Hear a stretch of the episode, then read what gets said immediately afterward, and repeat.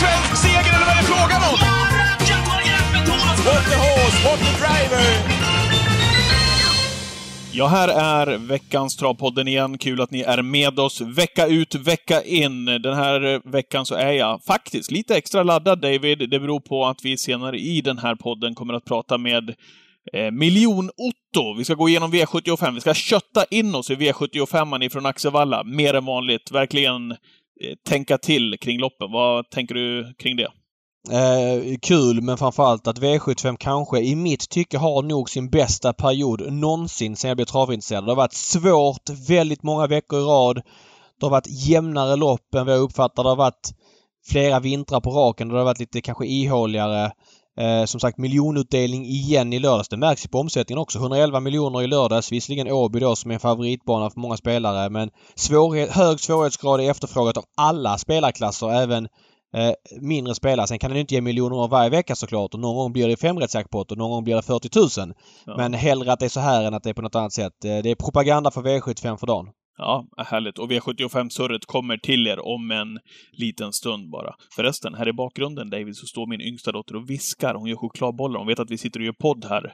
Mm. Eh, så att eh, Eh, det tisslas och tasslas här runt omkring om det är någonting ni hör så är det, är det chokladbollstillverkning. Vi ja. ska fokusera lite grann på trav, tänker jag.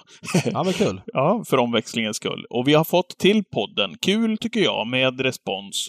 Eh, dels ett eh, eh, telefonsamtal till oss, apropå förra veckans podd, men också ett, ett lyssnarbrev. Eh, ska du mm. berätta? Mm. Ja, men man kan höra av sig till oss. Många gör det via till direkt Gambling Cabin, mejlen där eller på Facebook-sidan. Eh, Gambling Cabin, eller The Gambling Cabin som heter. är Pelle som skrivit ett ganska långt mail där han eh, noterar att vi hyllar V75.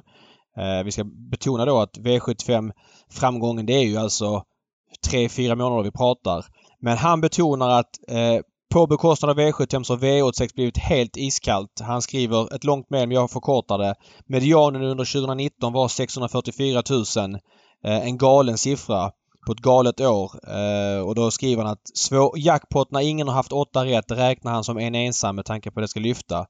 Eh, motsvarande siffra under 2020 var 65 000 och i år så är det alltså 57 000 så att det är en nedåtgående trend. Och jag tycker Pelle har en poäng. Framförallt samma period som V75 har varit svårt. Det har varit väldigt mycket häst, eller väldigt mycket lopp med få hästar på V86. Eh, dels har det varit Norgeomgångarna men även på svensk mark. Eh, hästbristen tror jag det beror på. Han, Pelle har någon teori här om att eh, de lägre prispengarna skulle göra det men det tror inte jag utan jag tror att det är hästbristen som gör det.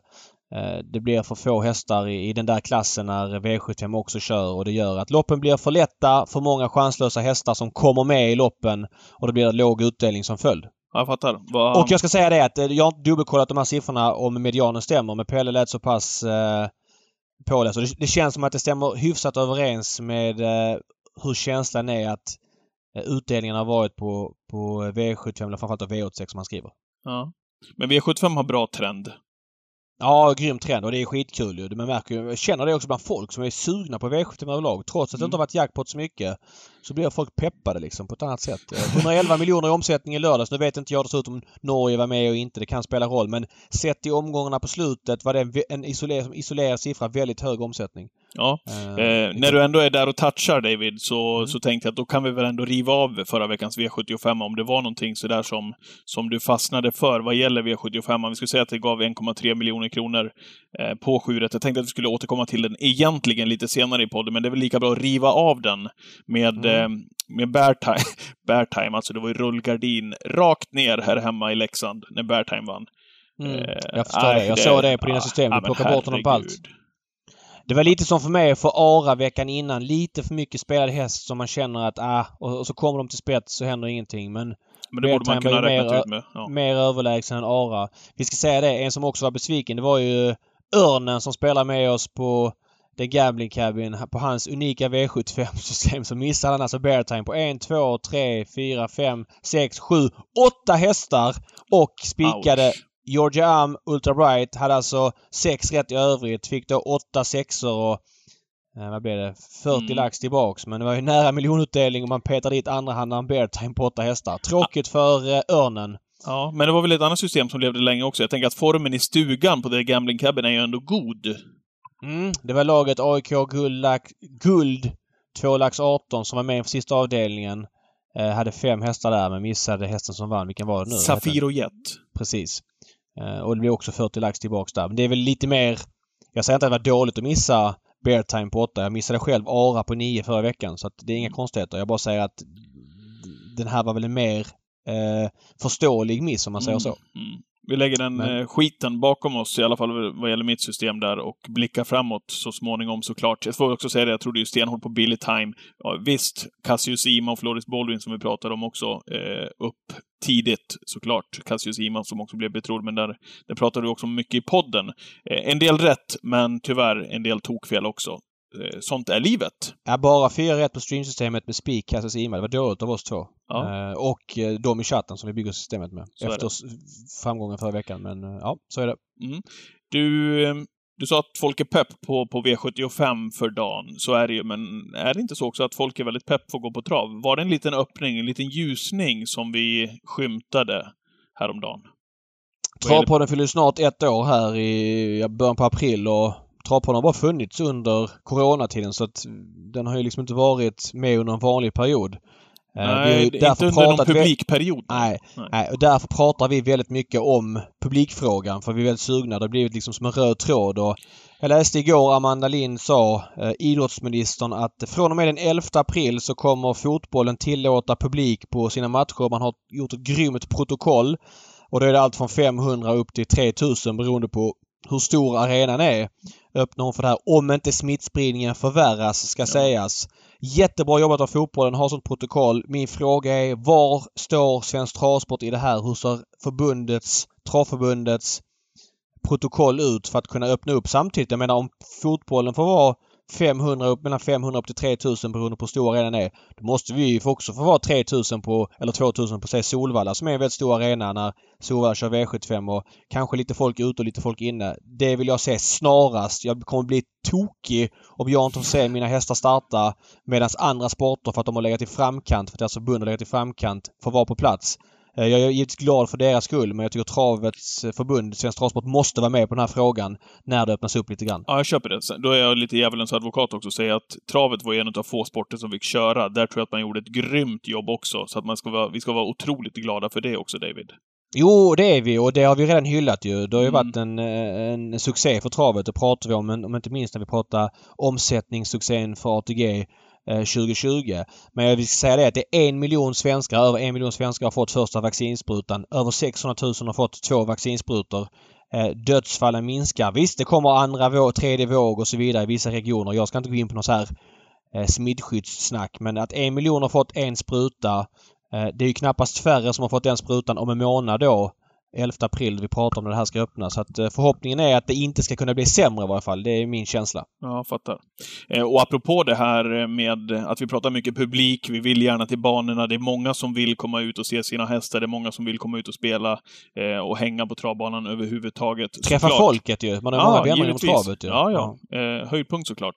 Men det har ju också fört till, apropå att vi får Eh, feedback till, till våran eh, podd här, vilket är kul. Också ett telefonsamtal från en gammal kollega och mycket eh, travintresserad kille som också jobbar med travsporten som tycker att vi pratar kanske lite väl mycket TV i den här podden som gamla TV-gubbar. Eh, och så är det. Det är lätt att tro att eh, man är bitter på att man inte jobbar med trav-tv. Inte alls. I mitt fall sa jag upp mig självmant så att det, det är inget sånt. Men så här är det ju. Eftersom vi bara kan konsumera travet via TV Eh, och det har varit så i snart ett år nu. Då blir det ju så att vi pratar mycket om travet på TV för det är bara så vi kan se det. Vi kan inte se det på något annat sätt. Den dagen banorna öppnas upp då kommer vi inte prata om hur travet konsumeras på TV. Vi kommer inte prata om hur folk beter sig i rutan. Vi kommer inte prata om hur loppen klipps. Vi kommer inte prata om Eh, bildvinklar i loppen. Vi kommer inte prata om dynamik i TV-programmen i samma utsträckning för att vi kommer konsumera travet på annat sätt. Då kommer vi istället prata om hur kul vi hade på Solvalla i lördags, hur kul vi hade på Åby i lördags och sådana grejer. Därför blir det en del sånt snack, för det är det man upplever travet genom idag. Mm. Okej, ska vi rulla vidare med eh, V75 till, till helgen som kommer här. Vad har vi på gästen då? Per Ottosson. Vad, hur skulle du vilja beskriva honom innan han själv får beskriva sig? Ja, eh, Per Ottosson är ju för oss i travet väldigt välkänd. Han känns som en liten mysfarbror, får man säga så? Eller mysperson som går runt på, på travet. Alltid väldigt glad och trevlig. Eh, väldigt spelintresserad men eh, som jag uppfattar det ganska försiktig spelare. Kunnig, surrar med allt och alla, har alltid bra information. För Eh, mig, ja. Ja. Ja. Nej, men jag gillar verkligen honom som person. Alltid glad och trevlig som sagt. Det är det viktigaste. För mig han, när man är på Axevalla, framförallt eh, Storchampionatshelgen, trippeltravet där. Eh, Mm. Mannen som levererade från stallbacken, sprang med mikrofonen och framförallt med sin gula Axevalla-jacka. Ja, såg man ju ja. alltid Otto i. Och man, man jublade alltid och man ville lyssna och skruva upp volymen själv när man var kommentator eh, på Axevalla när man hörde att det var dags för Ottos tips. Eh, Mm. då, ja, då, var det, då, var det, då var det mysfaktor och bra information framförallt. Ja, absolut. Nej, jag... Nej, vi kör igång motor helt enkelt. Ja, vi gör Vi det. ringer upp honom. Ja, det är riktigt kul att kunna säga välkommen till eh, Super-Axevalla-profilen Per Miljon Otto Ottosson. Välkommen till Travpodden, Otto. Ja, tack så mycket. Det ska bli kul att prata med er grabbar. Jag ser upp till er i olika ja, travsammanhang. Ni har ju varit med mycket här och eh, Neves eh, och eh, Huselius saknar jag ju vass och kass varje fredag. Äh, det är inte så mycket att sakna. Ja, du ska inte se upp till oss. Då har du dåliga förebilder skulle jag säga. Ja, ja det är, det, är, det, är det bra med dig? är jättebra. Med omständigheterna så är det bra. Jag har klarat mig utan covid och mår bra och tränar rätt så mycket och sådär. Jag fyller 60 eh, om några, någon månad här och sådär. Så att, men det går bra att vara 60 också. Vi ska säga det att eh, i travkretsar är du välkänd. Eh, men det finns en del lyssnare av den här podden som inte kanske är inne i den innersta bubblan. Kan du förklara och presentera dig själv? Vem är Per Ottosson? Ja, inom travvärlden så är det ju så att jag ja, över 40 år har hållit på med trav och eh, på den tiden så åkte man ju på trav fyra, fem dagar i veckan eh, första 20 åren och sen sista åren har det ju varit eh, ATG Live då givetvis. Men jag jobbade också 20 år på Axevallatravet och hade en fantastisk tid där. Och det, så att jag har liksom jobbat med mycket genom travet men spelet har väl varit den stora grejen egentligen hela tiden plus eh, ja, marknadsföring och sånt med. Men liksom spelprofilen har funnits med hela tiden. Du säger, du säger Mm. att du jobbat på Axevalla i, i 20 år. Vad gör du nu och, och, så vidare? Nej, men eh, jag, ja, jag jobbar egentligen ideellt med en festival här i Turbla som jag också har eh, startat för 20 år sedan. Vi har kört åtta festivaler var tredje år. Och jag får eh, lite betalt av kommunen eh, ett år innan den. Och jag tyckte att jag har kört eh, trippeltrav och festival samma somrar i sju, åtta år, sju, åtta gånger och det blev för stort och man blev för gammal för det till slut. Så då tyckte jag det var dags att och varva ner travet efter 20 år. Mm. Eh, innan vi kanske pratar lite mer om det. eh, Du blev ju uppmärksammad här för, vad, vad är det? Hur länge sedan är det nu du vann? Ja, det är faktiskt nästan ett år sedan. Det var den 8 april 2020. Tiden går väldigt fort. Det känns som det var ett halvår sedan. Du blev alltså ensam på V86 och hur är det? Det är den näst största V86-vinsten, var det så? Ja, jo, det stämmer bra. Det var väl någon som har vunnit 22 innan tror jag. Så att, eh, ja, det var ju, det var ju overkligt givetvis. Något som man inte tror ska hända. Visst har jag har fått varit med och vunnit rätt mycket stora vinster tidigare, men det här var ju enormt och eh, ja, kändes väldigt konstigt faktiskt.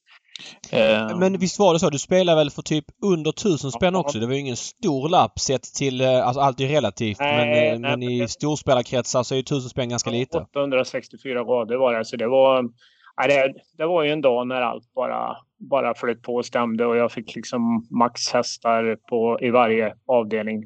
Och eh, hade en bra Mm. spik i första avdelningen. Eh, så att... Eh, Pantani. Mm. Ja, precis som Jeppsson körde åt eh, Frode var det väl, Frode Hamres häst. Mm.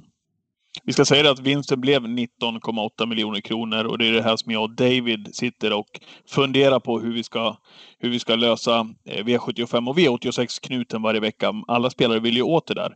Eh, Ja. vad, vad, vad, vad kände du under den där omgången då? Vi kan ju säga det att Pantani vann första. Eh, snygg spik ju. Men sen var det ju egentligen några på pappret omöjliga.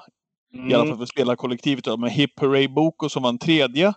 Och mm. sista då, Vera Spiro som gjorde att utdelningen blev 19,5 miljoner. Ja, vad var värdet inför sista? För det var inget super, super värde 348 889 ja, kronor. Vi, vi, var 58 kvar inför sista. Och jag hade ju alla ja. och jag tror jag var själv på 7, 8 eh, och 11 eller hur det var. Tre eller fyra hästar var jag själv på. Mm. Men det vet man ju inte då. Nej, nej precis. Nej, men eh, det var ju... Man kan väl säga att Hipp Hipp Hurra Bocco var väl den stora, riktigt stora grejen. För där hade jag fyllt på rätt så rejält och eh, jag hade, jag hade bara en, ja, en tusen inne på kontot. Jag tänkte inte jag skulle spela för mer. Så där satt jag och eh, bantade ner och han kom ju, hade ju nummer 15 Eh, och i och för sig så ja, tyckte jag liksom att det var den som jag skulle spara. Så jag hade tre hästar och fick in den. Det var ju liksom, det var ju ologiskt egentligen. Så att det var det sista jag gjorde på systemet. Att jag hade satt dit alla i sista, det gör jag ganska ofta när jag spelar. För att eh, på, de sätt, på det sättet har jag vunnit mina största vinster. Det är när jag har haft alla hästar i sista. Så det är ganska vanligt att jag spelar med det om jag inte har någon riktigt bra idé. Okej. Okay. Var det, var, det, var det bara Pantani du hade spik på, på hela lappen?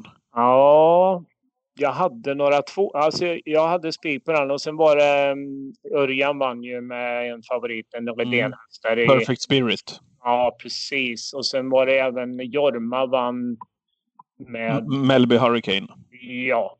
Där hade jag två hästar i bägge. Jag hade i alla fall eh, Mr. Per, äh, Jorma körde någon Normos häst där också mot eh, Just det.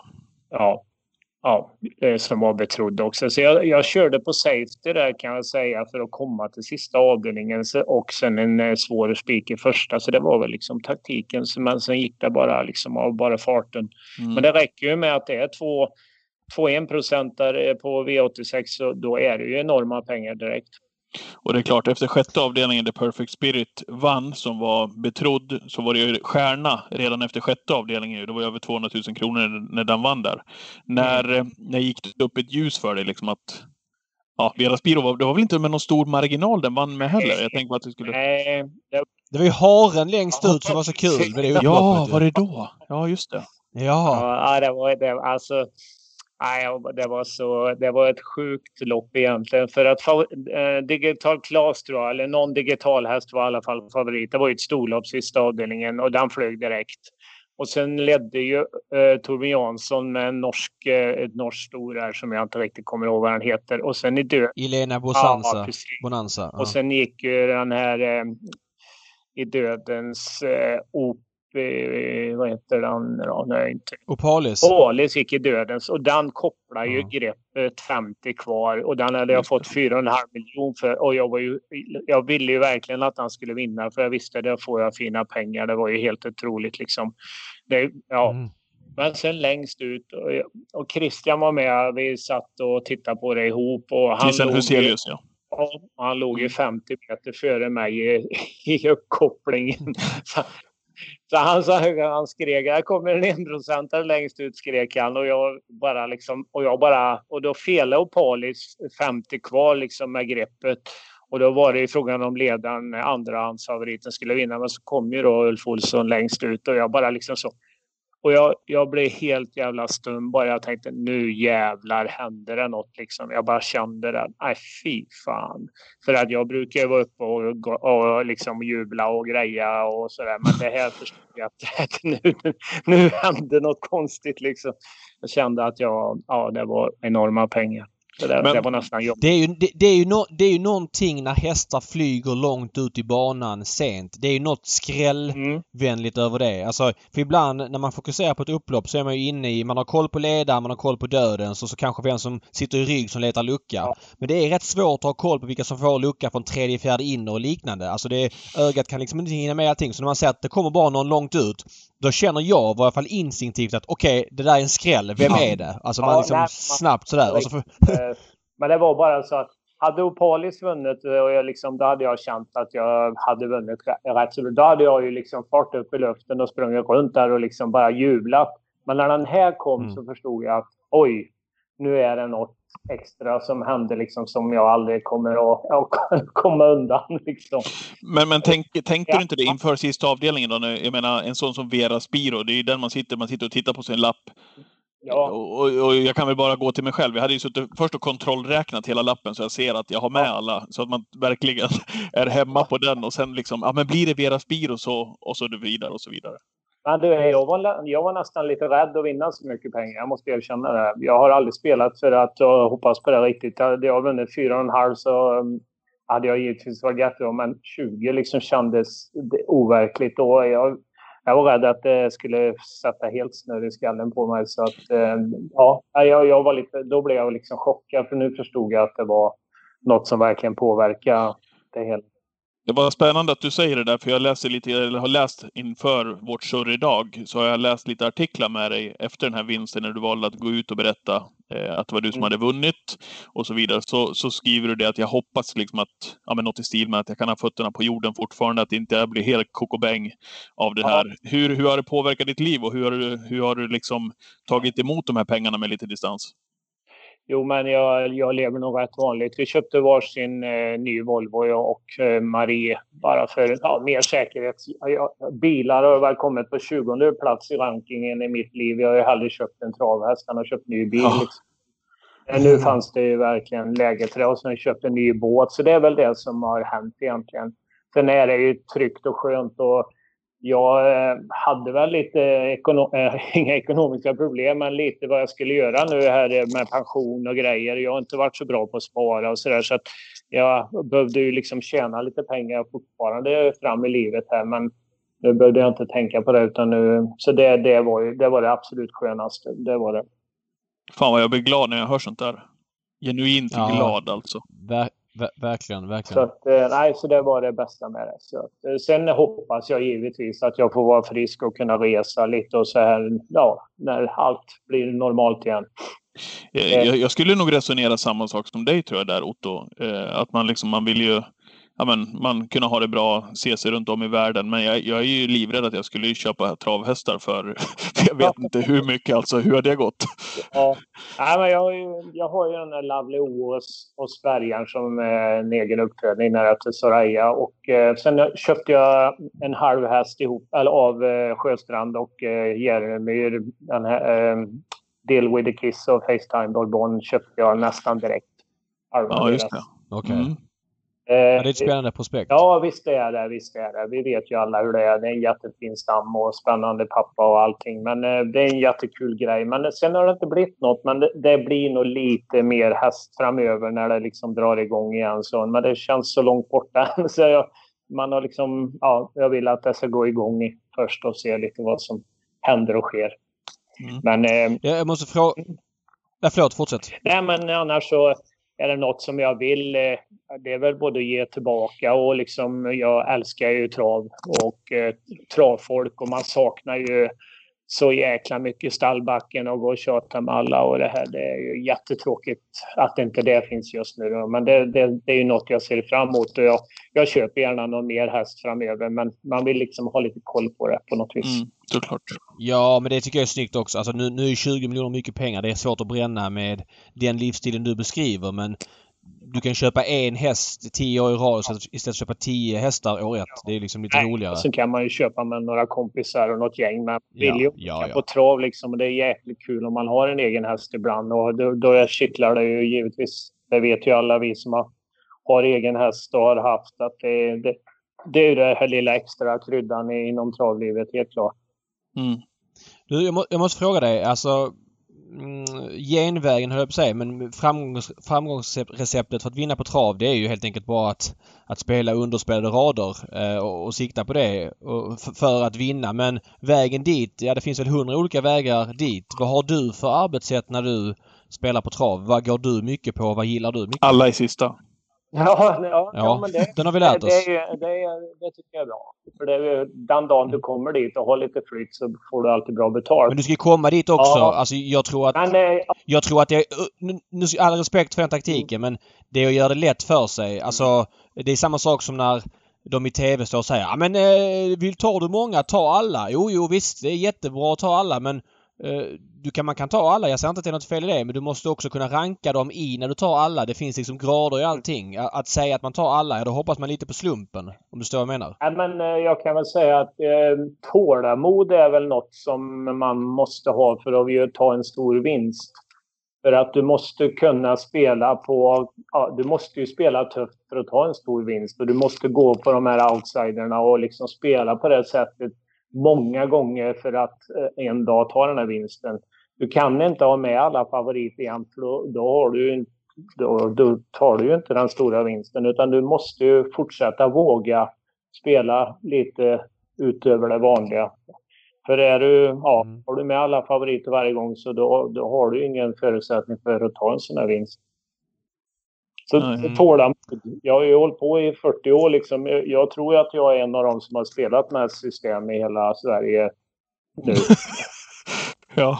Men, men så här, om, om jag konkretiserar frågan. Eh, det är såklart recept, men vad går du på när du spelar, när du rankar? Vad är viktigt för dig? Är det att snacka med aktiva? Är det att bilda sig en egen uppfattning? Går du mycket på spår? Ja, men du fattar. Ja, alltså, men, det men, finns ju liksom... Ja, men då kan jag väl, I dagsläget så går jag på mycket vad jag med, med arkiv och vad jag har sett och eh, Eh, Ehm, även givetvis surr med, med tränare och spelkompisar. Och en sån som Huselius har jag ju väldigt bra samarbete med. Och ja, duktiga människor som kan trav. Så det är liksom den helheten. Jag är ju inte någon värmningsvinnare. Det tycker jag är lite överskattat. För jag tyck, jag, när jag lyssnar på det så blir jag ibland blåst när det är någon som har ja, då har de sett ut så. Sen gör de någon ändring och så vinner de ändå. Det tycker jag är lite... Det är inget. Men däremot att få att de går, gör någon speciell utrustningsändring eller någonting. Det tycker jag, det är alltid spännande tycker jag när det är något de gör för att hästen ska bli 20 meter bättre. Det, då är jag gärna med. Mm. Ja men intressant. Fråga bara innan vi går in på V75-snacket på lördag. Du har varit med i väldigt många år. Eh, både V75 och V86 har haft sina cykler. V75 har vissa vintrar och även vissa somrar varit extremt favoritbetonat. Eh, V86 var ju väldigt bra i höstas men kanske varit lite mer favoritbetonat på slutet. Om du drar det över en lång horisont, kan du säga vad du vad gillar du mest liksom? Vilket är ditt favoritspel och, och vad tror du krävs för att det ska fortfarande va, fortsätta vara attraktivt för spelarna? Jag vet inte, men jag tycker väl kanske V75 har blivit svårare på något vis. Att det är jäkligt mycket duktiga spelare med och det är eh, V75 tillsammans och det är många system som går in ibland och det ja, påverkar spelet ganska mycket. Jag tycker att det har varit svårare att vinna på V75 de sista åren. Jag vet inte riktigt varför, men min känsla har varit det. V86 är inte riktigt lika... Ja, där, där liksom är det svårare för dem. Eh, GS75 tycker jag är kul för där tycker jag inte att folk är lika bra pålästa. Alltså där har jag varit och huggt på ganska stora pengar tycker jag under säsongen. Men eh, V75 får jag inte riktigt till och det är jäkligt, eh, om man säger utstuderat och eh, informerat för alla. Så det är svårt att hitta något riktigt bra och kommer du på någon egen så har, har ju någon annan redan hittat det. Så det är lite svårare tycker jag. Mm. Ja, jag håller med dig. Och V75 har haft problem bitvis. Men jag måste säga att V75 nu sista tre, fyra månaderna. Det har varit alltså den bästa perioden någonsin för V75. Vad jag minns sen jag kom in 2001. Det har varit höga utdelningar mm. i princip varje vecka. Och, och, det är ju... Jag har inte varit med och huggt hugg har jag gjort men jag har inte vunnit någon storvinst den här perioden. Men det skiter jag i. Lik förbannat tycker jag att det är skitskoj. Ja, jo men det är jag också. Jag kan väl bara till egen del säga att jag har varit lite för lat sista tiden. Eh, Vinsttrött? Ja, och lite. Eller mm. ja, lat. Att jag inte orkar göra jobbet. Och eh, då är man... Alltså det är ju också något som är jätteviktigt att man lägger ner den här tiden som behövs för att verkligen gå igenom omgångarna. Man märker ju det. Gör man inte det, då sitter man ju och gissar lite grann och spelar på lite chans och då, då är man sämre direkt. Men mm. det kan jag säga till alla som sitter och lyssnar på den här podden nu i alla fall. Att när jag och Otto hade kontakt här inför att vi skulle vara med i den här podden så frågade Otto, Otto hur, hur mycket påläst ska jag vara? Ja men eh, läs på så att det liksom blir köttigt och bra och att du känner att du är trygg. Och det, det är precis vad det är det Otto, när det är Axevalla, din hemmabana som ska köra V75 på lördag. Det måste jag ju vara på. Och sen är det ju alltså, det är ju alltid spännande med Axevalla. Vi vet ju att eh, det är ofta det är bra utdelning och jag, jag tror verkligen att det är upplagt för det på lördag också. Eh, sen ska man ju mm. veta det också, det, i och med att det är din hemmabana. Eh, du kallas för miljonot och dragit in den här 20 miljoners vinsten. Fallhöjden är stor nu. Den är hög. Ja, ja mm. absolut. Mm. Det är riktigt. Vad, eh, men innan, vad tror ni om bana? Det ska ju bli eh, dåligt väder, snö på torsdag och regn på fredag och så här. Och eh, Axvallas bana är ju redan innan lite krävande tycker jag. Det är alltid jobbigt på något vis för hästarna på Axvallas bana och det långa upploppet. Och blir det ännu svårare förutsättningar då, då kan det bli riktigt tufft och, för oss jag, jag, jag, jag, såg det. Skulle det vara mellan 0 och, och 4 grader eller något sånt där och regn bitvis Ja, det, det ska bli lite minus fram men, men regn ska det bli fredag mm. eh, varje fall. 4,5 mm och så regn torsdag och sen så lite uppehåll på, på lördagen. Ja. Det verkar vara plusgrader mm. så det blir inte den här super super stökiga banan där det går från 10 minus till 10 plus som det gjorde för en vecka sedan. Men, men att, nog är det en, jag hoppas bara en vind... att det inte kölen har satt sig igen och klappar liksom. Så det, jag vet inte. Det har ju varit ja. 10, 10 minus vissa nätter där. Så att, ja, ja, nej, jag har faktiskt inte kollat än. Jag håller tummarna för att det blir bra förutsättningar. Ja, Mm. Ja, men fast så är det, det, det, där, där är, jag måste bara säga, ja bra förutsättningar men vinteromgångar för min del får gärna vara lite krävande. Självklart inte på ett sätt så att hästarnas hälsa riskeras men... Jag håller med dig. Eh, mm. Lite stökigt får gärna ja. vara. Men vi går igenom det så tar det lopp för lopp. V751, eh, silverdivisionens försök. Favorit just nu 4, Ubiquarian Face. Vad säger du där? Ja, men jag, jag, det är svårt att spela hästar som inte har startat på så länge så att eh, jag passar på den ändå garderar man har man givetvis med den. Jag tycker väl nummer ett, eh, Mr Perfection, en häst som har eh, tidigare varit lite liksom nått gränsen kändes det som för något år sedan. Men eh, sista tiden så har ju den eh, ryckt upp sig enormt och senaste loppet var jättebra. Det var ju där Jeppson vann med eh, Bear Time och eh, gick utvändigt hela vägen och kunde ändå leverera en bra spurt på den här jobbiga Åbybanan. Så att eh, det är jobbigt att gå i, i tredje sista sväng där och gå något till slut. Men jag tyckte han gjorde det. Och nu är det eh, runt om igen och sen amerikansk vagn och kort distans. Så att eh, Mr Perfection får en chans av mig här på lördag. Mm. Vad säger ni om det? Ja, men ifrån, jo men absolut. Jag, jag var ju lite inne på den även i, senast, men det var ju också Hero Boko som var med i samma lopp där. Kolla mm. på den avslutningen senast som Hero Boko gjorde. Eh, var ju inne på den tidigt i podden här förra mm. veckan också, men blev övertalad av David, vilket också var riktigt, att det blir nog någon position för långt ner och invändigt vid Aerobok. Och det blev så också. Han eh, gick inte ut i andra spåret. Tror, säger att det fanns läge att gå ut med Heroboko tidigt i loppet. Eh, eller direkt efter start. Men, men, men han har valt att sitta kvar. Men kolla avslutningen på Heroboko. Den är ruggig så, alltså. Såg att den gick fort eh, på Open Search där inne. Så att, men var hamnar den från början då? Ja men det, det, det, det, är intressant för det är lite min take med Hanna Läderkoppi. Jag tycker att hon är en jätteduktig travtränare. Alltså verkligen fina hästar, har fin ordning på dem och gillar att man kör passivt. Och jag har inga problem med att man är passiv i loppen. Eh, det är ju mitt val som spelare att ta beslut därefter men när hon kör en betrodd häst så måste man väga in det att hon, hon har inte de där armbågarna som krävs för att liksom eh, skaffa sig de där millimeterfördelarna på V75. Självklart kan hon vinna ändå men jag tycker ändå att som favorit, alltså som betrodd häst, tycker jag man ska vara skeptisk, kritisk till, till hennes eh, hästar när hon kör. Som sagt, jag, jag har inga problem med att hon kör passivt. Jag tycker hon är skitduktig på att träna men som spelare mm. blir det ändå liksom att de rankas ner lite grann som betrodda. Alltså, det är som du säger Otto, var hamnar hon? Ja, förmodligen lite på vingel för att hon inte är tillräckligt nej, har vassa armbågar för att hamna bra position. Jag vet inte riktigt hur snabb är den ut egentligen nej. på start. Eh, ja. Sen, sen, sen kan jag tycka någonstans med Mr Clayton JF som återigen drar streck. Alltså läget ja, är ju... Ja, precis. Det är tacksamt. Läget är ju perfekt för Mr Clayton JF. Distansen är förmodligen jättebra också, men han vinner för sällan och han kommer dra mycket streck igen. Han måste köra mm. passivt också, vet vi. De vill inte köra honom i ledningen. Då spottar han ut bettet eh, in på upploppet. Så att det är lite tacksamt tycker jag att han drar mycket streck igen. Ja. Ja, jag vill bara poängtera att eh, Mr Perfection har spår 1 liksom.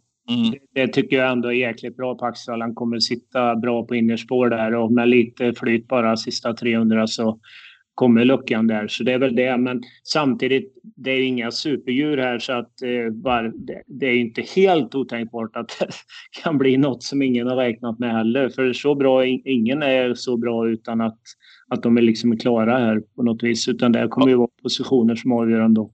Har du någon take på lite loppet som David? Silver förra veckan. Ja, lite som Silver förra veckan när Beartime vann. Alltså det, det, är så svagt lopp så att hästar som normalt sett inte kommer till spets och bara rinner undan kan Ja, göra men det. Påminn, Ja, min påminn mig inte. att- Påminn mig inte. Nej. Eh, Min, min take är att Mr Clayton JF är grovt överspelad. Han ska väl vara 5 om jag ska vara ärlig. Eh, han kan som sagt i princip bara vinna från ryggledaren och då ska det klaffa ganska mycket och det är inte säkert att han vinner då. Eh, mitt stora miljondrag i, i loppet slash omgången det är 11 Counterfeiter. Eh, gillar intrycket senast. Två lopp i kroppen. Ja, ja visst. Det är skor runt om och det är spår 11 på, eh, på kort distans. Men det, det kan funka, funka på Axevalla. Det är underspelat till 0,73% i nuläget hur som helst. Det är jag helt säker på. Mm. Jag, hör, jag hörde Kevin var också eh, positiv till eh, den insatsen senast på en intervju i fredags där i ATG Live. Så att han, var, han är påställd Kevin också. Så att, och det är ju jättefördel med Axvallas långa upplopp. Så det, det är ju en sån där som är ospelad 0,73 liksom som skulle kunna Mm. vinna. Absolut. Mm. Eh, vi går vidare. Kan, V72 kan, det vara, kan det vara omgångens Verast Biro helt enkelt? Ja, Ja, det är kan, det kan det vara. samma procent. Ja. Ja. V72, eh, diamantstorförsök med ja, lärlingar, jag säga, med ungdomslopp. Och det, det är ju som bäddat för jämspelat och skräll. Vad säger du här Otto? Ja, alltså jag, jag skulle gärna vilja ha alla här. För det, jag tror verkligen att det finns... Jag tycker inte att någon av favoriterna utmärker sig. 6 och 7 kommer ju öppna jättebra Global Benefit och eh, The Bank on Broadway. Men att eh, som nybliven fyraårigt sto dra fältet på Axvallas bana där och lite krävande, det, det känns jobbigt alltså. Mm. Tycker jag. Mm. Eh, nej, men jag vill ha många här. En superrysare kan vara nummer fem, Gitan Din Värn, som eh, är sträckad precis på 1 procent. Jag såg den senast där på Axvalla. Den eh, hamnade i och för sig andra utvändigt, men den hästen i dödens gick inte framåt. Så 700 kvar så var han ju jättelångt tillbaka och gick eh, liksom hela långsidan i andra spår fram till de andra och utmanade. Jag tyckte det var en bra insats. Jag menar, det kan bli en sån där häst lika gärna som något annat. Den som får det här rätta loppet i främre träffen där. Eh, och det kan lika gärna vara en sån häst tycker jag. Mm. Men det Ja. finns, fler, Patrik, det finns flera sådana om man säger så. Ja, nej, jag håller med. Det är, det är väl ingen sådär eh, man tar totalgrepp omkring, tycker jag, i V75 avdelning 2. Jag, jag, jag smågillar ju alla som har lyssnat på den här podden tidigare. Eh, nummer 10, Mon Zappa. Jag tycker att hon gör jag tycker att hon gör bra lopp oftast liksom, och har ofta en trudelutt till slut också. Vissa gånger när hon är på det humöret så tål hon att göra lite jobb också. Så att hon är väl rätt tidig för mig från bricka 3 på 20 så lär hon sitta skapligt på den då. Så att ehm, ja, tidig på, på singelprocenten då. En fråga, du som följ, har följt hästen. Tycker du att den är lika bra barfot eller lika bra bakifrån som den eh, kan vara som den var i ledningen senast? Nej, spännande att du säger det. Jag pratade med Ulf Olsson så känner hästen ännu bättre inför Eh, vilken start var det? Var det Bollnäs-starten tror jag, där när han körde en annan i det loppet? Eh, för det han, det, han hade fått det. chansen att köra Månsappa där. Ja, precis. Det var ju där Lupin Håleryd vann. Och Uffe Mm. körde Love You Sweden åt eh, Pilström istället. Ja. Eh, Ja. så, så sa han det att eh, hon gör ju sin absolut bästa lopp när hon får vara med där framme direkt i ledningen. Eller utvändigt ledaren. Därifrån kämpar hon också bra. Men jag tycker liksom att motståndet den här gången är väl inte så där så att hon, hon behöver strida till den yttersta. Nej, Eh, nej men så det är ju ett sånt lopp så att Ja. eh, få en bra rygg så kan... Nej, men hon var ju, hon var ju jättefin senast. David? Jag lyfter fram 12 Valkyria K som vann V75 på nyårsafton. Eh, startade inte sen, alltså det tog tag innan hon startade efter den starten. Det var ju senast, det var ju två och en halv månad. Med det loppet eh, känns det som att hon borde vara bättre barfota nu. 6% känns eh, lågt på henne tycker jag. Eh, står bra in i loppet och så vidare och så vidare. Eh, V73 3140 meter voltstart. Det är inte den ovanligaste propositionen. Mm. Eh, klar, klar favorit här. 12 Maestro Crow. I talande du? stund Otto, 73 procent. Ja, vad tror ni jag säger? nej, nej, det är inget för mig. Det är inget Oj. för mig. Oj. Nej, jag gillar att man säger så. Berätta varför. Ja, men alltså, visst, det är ju en bra och spännande häst kanske och sådär. Men eh, det här, eh, det blev ju väldigt mycket snack om det här loppet. Dels så var det ju där, ja var det sex eller sju stycken, sju stycken som vann eh, sju miljoner på den där med eftergalopp och grejer. Men mm. jag tror den dagen så gynnade ju det Maestro Crown enormt med den här jobbiga banan och det här. Den klafsar ju på bara framåt där. Jag, jag är inte säker på att, eh, att det var lika Vad härligt att höra då Otto när du säger att jag är inte så säker. Maestro Crow, han klafsade på. 73 procent av den Maestro Crow. Är det härligt? Ja, nej, men han har ju spår 12 och nej, jag vet inte. Jag tycker inte att, att det är bara att köra runt. Och den känns liksom inte helt superstabil heller. Och, ja, nej, Nej vadå, två galopper senast? Alltså det är väl liksom... Eh, ja. det, det om något är väl incitament nog att gå emot honom. Och där har väl Johan varit hyfsat tydlig också i, i hans regi att det är ingenting att lita på fullt ut ännu att han ska sköta sig liksom. Ja, det var ju många som felade i det loppet. Det blev ju väldigt konstigt lopp och det, det, såg nog lite bättre ut än det var och jag tror att styrkan på hästen gjorde där att han kunde liksom komma tillbaka och, och de andra körde för fulla segel där och ja det var givetvis en fantastiskt bra prestation, men jag tycker ändå inte att det, ja, det var inte lika bra som det såg ut, tror, tycker inte jag. Det är, det är bara singelprocentare tror... där bakom också Det går inte alla här heller. Nej. Nej.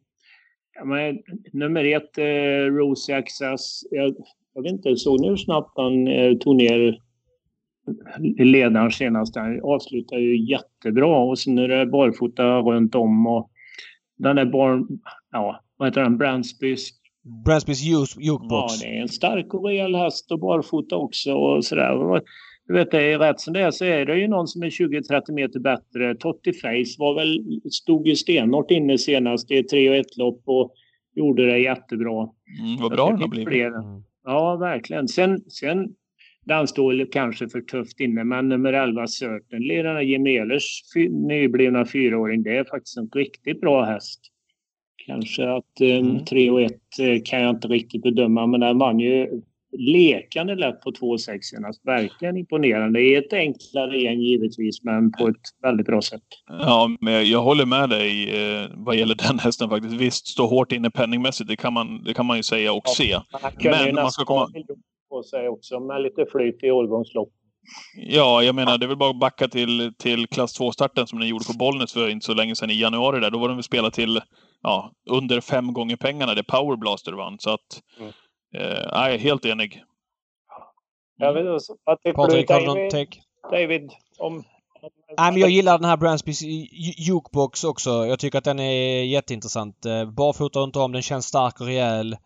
Eh, hemmaplan och allt det där. Så att eh, den kommer jag... Jag kommer absolut gardera mm. Maestro K. Jag kan inte gå på en häst som har galopperat två gånger senast eh, i loppet liksom. Mm. Så det är inte intressant för mig. Nej. Nej. Ja, vi, vi rullar vidare då. Ja, V753... Eller 4. Eh, di, förlåt. V754, diamantstort. Eh, igen då. Fan, vad konstigt. Var det två diamantstorförsök? Jag vet inte. Först, ja, det var det i alla fall. Hur som ja. helst. Det gör det ännu svårare. Mm. Ja, favorit är Alhambra Mail hur som helst. Vad säger du här Otto? Eh, ja, men det kanske är den eh, favoriten som ändå jag tror mest på i omgången. Även om jag tycker att det finns några roliga hästar på start så, eh, så jag, eh, hon står väldigt bra inne i det här loppet med eh, springspår. Jag pratade med Jeppsson under eftermiddagen här och sa att han, han tycker väldigt mycket om den här hästen och att de har siktat på det här loppet ett tag. Så att hon har inte startat bara för att det, det här har funnits i, i kikaren ett tag. Och, eh, Så jag tycker väl att eh, hon står så jäkla bra inne på pengar. Hon har ju varit uppanmäld i en del lopp tycker jag, mm. fast vunnit ändå. Men nu är det liksom en proposition som är utskriven för henne och det, det gör nog att jag kommer spika. Men som jag sa tidigare, det är några där framme som jag tycker är under kraftig utveckling som kan vara lite klurigt att slå. Vilken, vilken då? Nämn någon. Det är väl Hellstedts gamla hästar. Nu ska jag bläddra på min dator här för eh, Den här Titon då som eh, en lovande häst. Jag kommer ihåg när han gick barfota för Hellstedt. Eh, jag kommer inte ihåg exakt, men jag tror det var på Åby någon gång. Felat till slut som klar. Eh, sen dess har jag följt den hästen och den är jättebra tycker jag. Och den var ju enorm nu senast på Åby. Mm. Och, och jättefin på Romme också när jag såg den live näst senast. Så att, ja, håller med. 5 procent. 13 och 7 i dödens liksom. Det är inte att leka med. Nej. Nej. men Patrik? Jag vill, jag vill, ja, men jag vill lite inne på Ottos linje också. Jag, du vet ju vad jag tycker om Alhambra Mail. Hon är, hon är så mm. pass hård att jag tror normalt sett att hon vinner ett sånt här lopp. Eh, dessutom så måste väl ändå läget vara fullt ja. bra för henne kan man tro ändå när han får vända upp längst ut och skicka Alhambra Mail framåt. Liksom, så att, så är det men det är springband här och det mm. får hon inte... Hon är inte, hon är inte helt enkel i voltstart så får han inte en perfekt start vilket jag inte tror han får då är det ändå... Visst hon kan vinna ändå men det kan bli liksom tredje, fjärde in i svängen och ska framåt och lite utdraget och sådär så att... Uh, jag vet inte. Jag är inte helt övertygad ändå som jättefavorit. Jag vill lyfta fram uh, fem Garza som Jeppson körde senast och satt kvar med. Jag tycker han gjorde helt rätt som chansade och satt kvar. Nu blev det fel den här gången. Men eh, hon hade rubb och stubb kvar i mål, Garza, och jag tyckte hon imponerade på Åby gången innan. Hon gick väldigt bra på open stretch. Eh, den gillar jag och så gillar jag Lyx Håleryd som eh, ja, vi hade vunnit mycket pengar med, med senast. Nu blev hon lite störd i början på upploppet så hon tappar lite fart där, lite generad. Men eh, 4 på henne nu när det är barfota runt om, det känns lite lågt. Mm. Nej, men jag håller med om, men det, det känns ju ganska svårt tycker jag att hitta tänkbara spikförslag just nu och då blir då är Japson i alla fall först, eller mitt eh, bästa faktiskt omgången ändå. Mm. Vi, flyttar, vi, ska flytta oss vidare. Jag kan bara med en passus där med, med Lyx Håleryd som är tillbaka på Axevalla igen. Hon kollade faktiskt in till Storchampionat. Hon var ju finalist där när hon var fyra mm. år. Så att, eh, tillbaka på Storchampionatsbanan. Ja, mm. perfekt. Eh, V75 är ett lopp i klass 2. Eh, favorit as we speak, två konditor. Vad säger du där? Men jag tycker väl att den, det är en eh, en klar första häst. Men jag tycker ändå kanske i den här låga klassen att det är svårt att, att spika där. Men jag tycker väl att det är första hästen. Men sen, eh, ja, Jari Åkerfeldt har ju ja. en bra häst tycker jag, den här Celoit. Och eh, men han borde ha lite flyt nu så tycker jag att han är tidig. Även om det, men det kan väl gynna då att det är Axvalla när man fick sport 12 då. Så att den kommer nog att bli jobbig ute i banan på Axvalla. Så att eh, kanske att man kan eh, stänga det på två hästar. Men vi vet också att det är, är ju lopp, det kan hända saker i lägsta klassen. Så att jag, jag har inte riktigt tagit ställning till hur jag ska behandla det här loppet. Nej, Patrik? ja men Condior är ju bra och har ju läget, men eh, samma här då. Jag vet inte om jag och Otto har pluggat ihop kan man tro, eller pratat ihop oss. Det har vi inte gjort. Jag, jag tokgillar Zeolit kolla loppet senast hur, hur, fel det kan bli egentligen från ett bra mm. utgångsläge att bara hamna ja. längre och längre och längre ner hela tiden. Men slutrundan som man går är ju, är ju fruktansvärd alltså. Att han är kvar i klass 2 ser jag bara som Alltså mm. han, kommer, han kommer gå en bit upp i klasserna och det här långa upploppet, precis som Otto är inne på, kommer nog mm. gynna Zeolit. Så att jag, är, jag är nog inne på, i nuläget i alla fall, att, att gå tidigt på Zeolit. Det är min första mm. häst i loppet. Nej, men jag... Kunde jag... Förlåt, kör David. Nej, jag tänkte bara säga kondior heter det, inte konditor. Jag tycker också att det är en fin häst som har lämplig uppgift. Det kan vara... 36 är lite för mycket min smak. Jag hade hoppats på att det skulle bli lite jämnare när jag såg startlistan. Men eh, mm. jag tycker också att det är en häst som har en bra uppgift. Jag, troligt, troligt i spets. Det är klart, med kladdig bana kanske inte, men skulle det vara okej okay förutsättningar kan jag tänka mig att gå på honom. Mm. Ibland får man ju ta en sån spik. Liksom man tycker att det är ja, alltså... och 36, det är okej okay om det händer andra.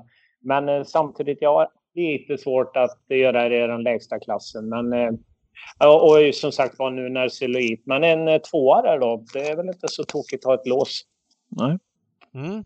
Eh, V76 bronsdivisionens försök. Favorit knapp sådan 9 Phoenix Foto. Vad säger du här? Nej. Nej, med bakspår och lite... Vi vet ju att han har ändå haft en liten historia om att kunna tappa trav och lite sådär. Så det, det är liksom inget som jag ja, han blir en av några stycken i så fall, men det är inget jag vill gå på. Vad går du på? Vad vill du gå på? Ja, nej men jag... Eh, min första häst och chansgrej, nummer ett Tangle.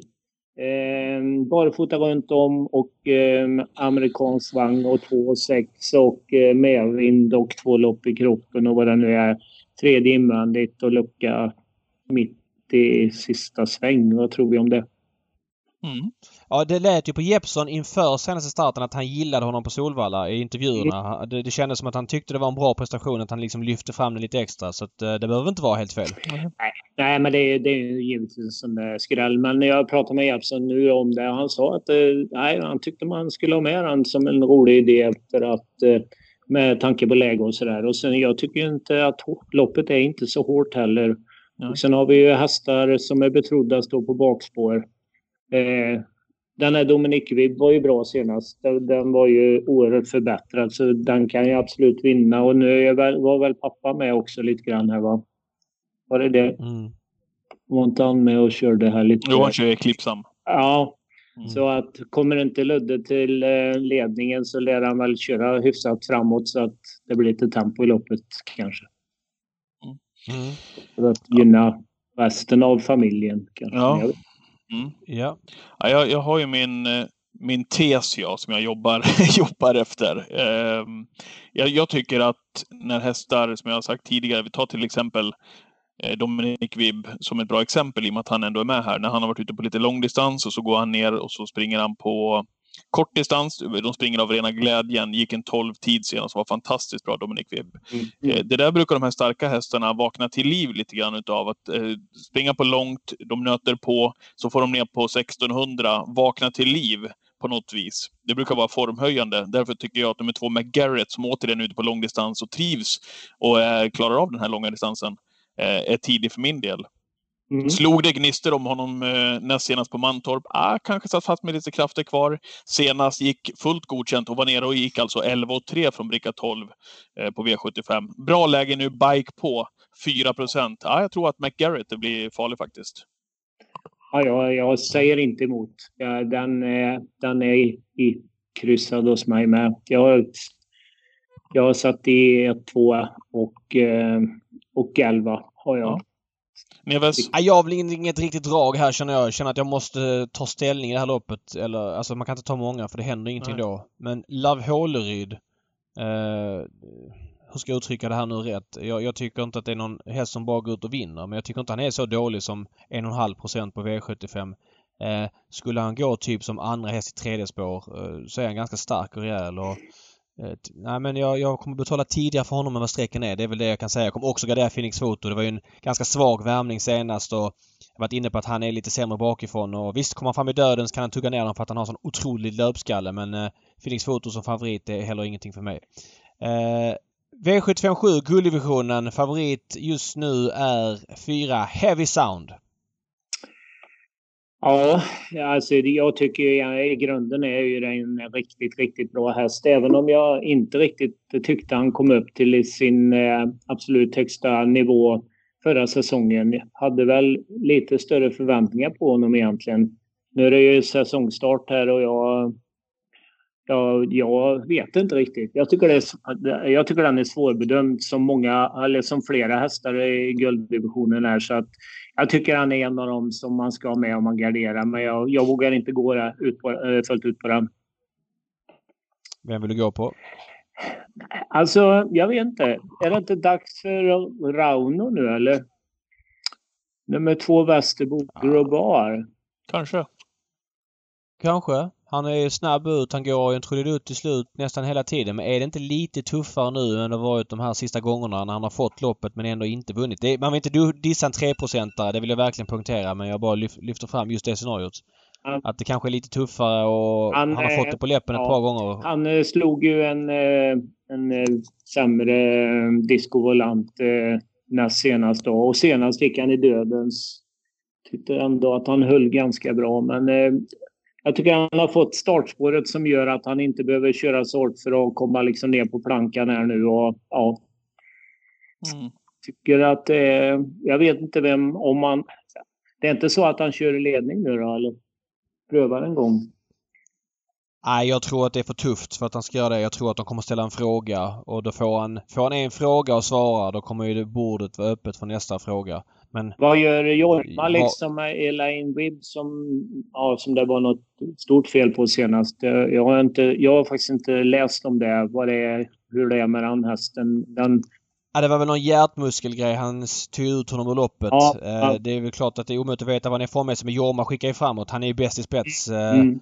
Eh, Elian Webb och det tror jag också Dwight Peters kommer göra med Nobel Amok. Mm. Så jag, jag, tror inte att eh, om Rano ska vinna, vilket han kan göra, då tycker jag att han ska ta spets och hoppas på att den han släpper till eh, kör i spets och på sin lucka. Ja. Eh, då kan han absolut vinna. Ja, jag tycker i alla fall att jag ska ha med han i, som 3 med, med det fina startspåret. För jag tycker att det finns frågetecken på alla andra hästar i loppet. Alla som är spelade.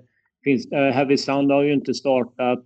Disco Volante är jag ju jättetveksam på bakspår på följdistans och Handsome Brad vet vi ju inte riktigt heller. Även om det är en jättefin häst. Och I och för sig Antonio Trott är väl i toppform, men han har 12. Mm. Mm. Ja, jag, jag, har ju, jag måste ju faktiskt erkänna det att jag har ju jag har haft svårt att ta till mig Antonio Trott i den högsta divisionen, men jag måste också lyfta på, på den berömda faktiskt när det gäller de senaste mm. prestationerna. Jag tycker att han har varit ruggigt fin. Så som man såg intrycket senast alltså var ju ja, ja. ruggigt bra. Och sen nu med, med barfota också, vilket säkert gör sitt. Och det långa upploppet till, till det då. Så ja, Nej, jag får väl ta till mig honom. Den är väl nästan motiverad favorit från det läget ändå. Sen eh, Hanson Brad har ju ja, den har ju alltid gått bra direkt i debuterna så den, den får man ju absolut inte räkna bort. Men det är också väldigt svårt att gå på en häst som inte har startat sedan i augusti. Mm. Vad har du för avslutningstake David innan vi drar igen butiken? Nej, jag vet inte. Jag vill bara säga det att jag vet att Knight Brodde inte trivdes på banan senast. Jag tycker att han... Eh, säger inte att han vinner till 2 men man ska ta med sig det. Han är... Skulle det klaffa så tycker jag att... Lite som Otto säger, det här är en namnkunnig gulddivision. Eh, men jag tror att många av dem kanske inte presterar på topp. Jag, jag har lite svårt att säga att Antonio Trott ska vara bra så här många starter i rad. Mm. Nurmos hästar brukar ha väldigt höga toppar men kanske inte så långa formtoppar. Den här har varit bra hur länge som helst känns som. Uh, känns som att han hittar en ny växel tycker jag dock. Ja. Uh, kanske att det såg lite bättre ut än vad det var senast också. Han var ju kast där i spets, uh, Garden Show. Jag kommer betala för Night Brodde i alla fall. Sen säger jag inte att jag bygger något system runt honom. Nej, 82 men det tycker jag är en bra vinkel ändå. För det ligger något i det. För att han är ju liksom han är ju lite ung och eh, fräsch och eh, även om han något som en, om han inte var helt perfekt senast så det kan absolut bli en, någon sådan typ av häst eftersom det är lite tveksamheter på de namnkunniga. Det, fi det, det, finns faktiskt spets i programmet också mm. från ett på Nu tror jag inte han vinner från spets om det är kladdig bana men han är väldigt startsnabb och mm. eh, det är klart det handlar mycket om vad Jorma gör men han har en växel efter 75 meter och ett brodde som gör Jag säger inte att det, det är kanske inte favoritscenario men det finns i boken i varje fall och med okej okay bana så tror jag inte han är helt enkel att slå om ingen som gör jobbet mot honom. Nej, precis. Ja, kul. Ja men svinbra Otto. Ja. Intressant snack. Ja, verkligen vad kul. Uh, ja, jag är glad att få vara med. Det var jättekul. Vi är glada att du var med. När eh, får vi se dig på trav igen då höll jag på att säga. Det är ju såklart när det öppnas. Men hur ser du på närmsta tiden här? När, när tror du att vi får vara tillbaks? Ja, jag, min lilla förhoppning är att man kan öppna upp lite grann eh, på Åbytravet och att jag kan åka ner och se när min Lovely O startar och sitta på Leon och ta en pilsner och må gott och sådär. Det, det, det är första steget i öppningen men jag tror det blir, ja Elitloppet är ju inte aktuellt och kanske trippeltravet att det, det ligger liksom i det skedet där det kanske kan hända någonting att, att det är sommar och vi är vaccinerade men jag är tveksam. Mm. Vi hoppas på det bästa. Vi håller connection ut och sköt om ja. dig. Tack så mycket för att du var med. Tack så mycket. bra. Toppen. Hejdå. Bra. Tack, tack. Hejdå. Ja men härligt. Uttömmande snack med eh, Trav-Otto. Får vi se hur vi landar in på V75. Det var ju många rysare vi fick här också. Lite Veras Piro-streck och tankar. Uh, en, om, en V75-omgång kommer aldrig få lika mycket plats i den här podden som den här omgången fick. Uh, och definitivt inte en jackpot-fri omgång, men V75 har haft propaganda på slutet. Det har varit svårt. Det kommer att bli svårt på lördag igen tror jag. Det ser svårt ut med lite stökiga barnförhållanden så att uh, jag kan väl tycka att det var redaktionellt motiverat att ge V75 den spacen den här veckan. Mm, helt klart. Och vill ni hänga med, då vet ni hur ni gör. Ni eh, är med oss på Twitch på lördag. 13.00 kör vi igång Twitchen på lördag. 13.00 alltså. Eh, härligt att bygga streamsystemet, även om vi inte eh, var fullt rätt ut på det i lördag, så är det alltid kul att bygga det tillsammans med alla er ute.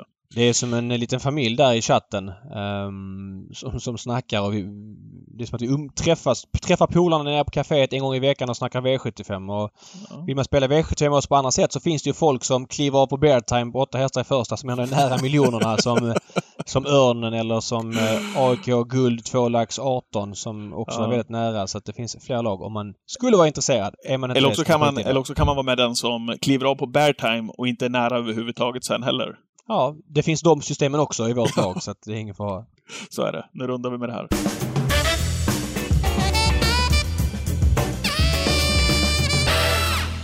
Yes, hiss och diss ska avsluta veckans Travpodden precis som alla gånger tidigare. Hiss och diss, ja. Vad eh, vill du köra? Ja, men jag kan dissa, så kör du hiss. Ja. Då ska jag plocka fram min hiss här bara också så att jag eh, får rätt statistik framför mig. Och eh, det är lätt att landa in, jag har sagt det några gånger förut i podden också, det är lätt att hamna i det spåret att man, man hissar eh, mindre tränare som har stora framgångar och V75-framgångar, de får synas i rampljuset. Men det är ju som du också har påpekat de gångerna, David, ytterst välförtjänt och bara kul när det, när det väl händer. Så apropå det vi har pratat om mycket i den här podden, Eh, så vill jag passa på att hylla Helena Edlund. Eh, amatörtränare med Årjäng som hemmabana. Jobbade lite grann på Valla förr faktiskt. Mycket trevlig tjej överhuvudtaget, var på inskrivningen där. Men är alltså amatörtränare på Årjäng nu eh, och tränar Bear Time, som nu alltså har två raka V75-segrar och ett gäng V75-segrar totalt. Det är ju otroligt häftigt att se att en, en liten tränare med eh, fyra hästar på sin lista kan ta fram en sån här häst som har tjänat nästan 1,2 miljoner kronor nu. Eh, man blir lika lycklig när man ser de där intervjuerna varje gång och otroligt snyggt jobbat att Helena Edlund och de övriga duktiga amatörerna kan ge Timo Nurmos, Robert Berg, Daniel Redén de här en match på V75. Ja, det är imponerande. Jag blir lika glad varje gång, så att jag passar på att göra det nu. På hästen som jag flög på. Bear Time, hylla Helena Edlund. Mm. Ja, det är kul. Eh, de är viktiga, de mindre tränarna. Häftigt. Vi ska säga om lördags V75 också, att den är ju överbetald. Jag menar, det är ändå eh, Florence Baldwin, Floris Baldwin var favorit eh, till 32 mm. procent och vann och Ultra Bright var också favorit till 28 procent. Där älskade, du, där älskade du Pacific Face. Ja, jag ska komma till det strax. Mm. Det är Åsom Kronos som är den stora skrällen och den ger 1,3 miljoner. Så att, um, nej. Grym spelform alltså, så är det bara. Tänk dig Åsam Kronos ändå. Visst, läget och det där, men var ju jättefavorit på på V75 här för inte så länge sedan. Och nu 1 mm. procent. Mm. Mm. Nej, så Svänger är det. Spelarna glömmer fort. fort. Det, är, det är dyrt att ha många hästar i många lopp på V75, men man vill ju anpassa det där. Mm. Ja, då ska jag dissa. Jag dissar eh, eh mediebruset som eh, eh, kommer i samband med att det snart är dags för Elitloppet. Jag älskar när det pratas Elitlopp.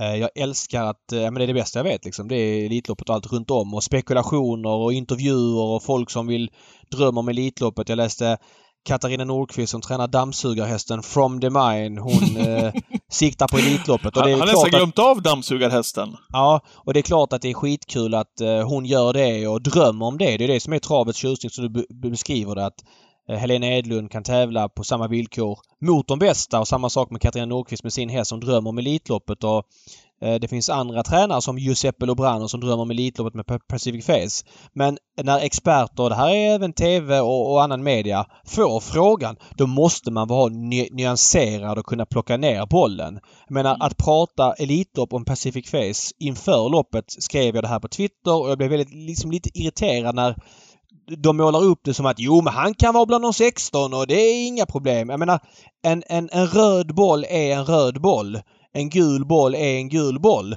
Man kan inte få en gul boll till en grön boll. Pacific Face är en jättefin häst och det är skitkul att Giuseppe Lebrano drömmer om Elitloppet. Det är hans fulla rätt och det tycker jag absolut man ska uppmärksamma. Men som kunnig inom travet måste man plocka ner bollen. Okej, okay. Giuseppe Lebrano och eh, framförallt då Pacific Face i Elitloppet. En häst som aldrig hade startat på kort distans, som är väldigt skuttig i travet. Som absolut kan göra sig gällande på kort distans när det är vinter. Men på en Elitloppspreparerad bana ska han då hänga med de här eh, hästarna över 609 meter. Vi såg ju i, i lördags då efter loppet att det är för kort distans för honom. Han kan vinna ett lopp där men inte mot hästar av Flores Baldwins kaliber. Nej, då får han, då får han, då får han springa länge Nej. i den här klassen innan han kanske hittar snabbheten också, men det tar ja, men, en stund. Så är det. Att, att, att det blir bara provocerande. Det är ungefär som att en fotbollsspelare som är bra i Superettan ska... Så, Olof Guterstam inför EM var det 2000. Han var bra i Superettan. Ah, han ska med till EM sa alla liksom. Eller det kanske var något annat mästerskap. Eller Sebastian Rajalaxo som gjorde då eh, några mål för Djurgården. Var det inför EM vad kan det ha varit, 2008?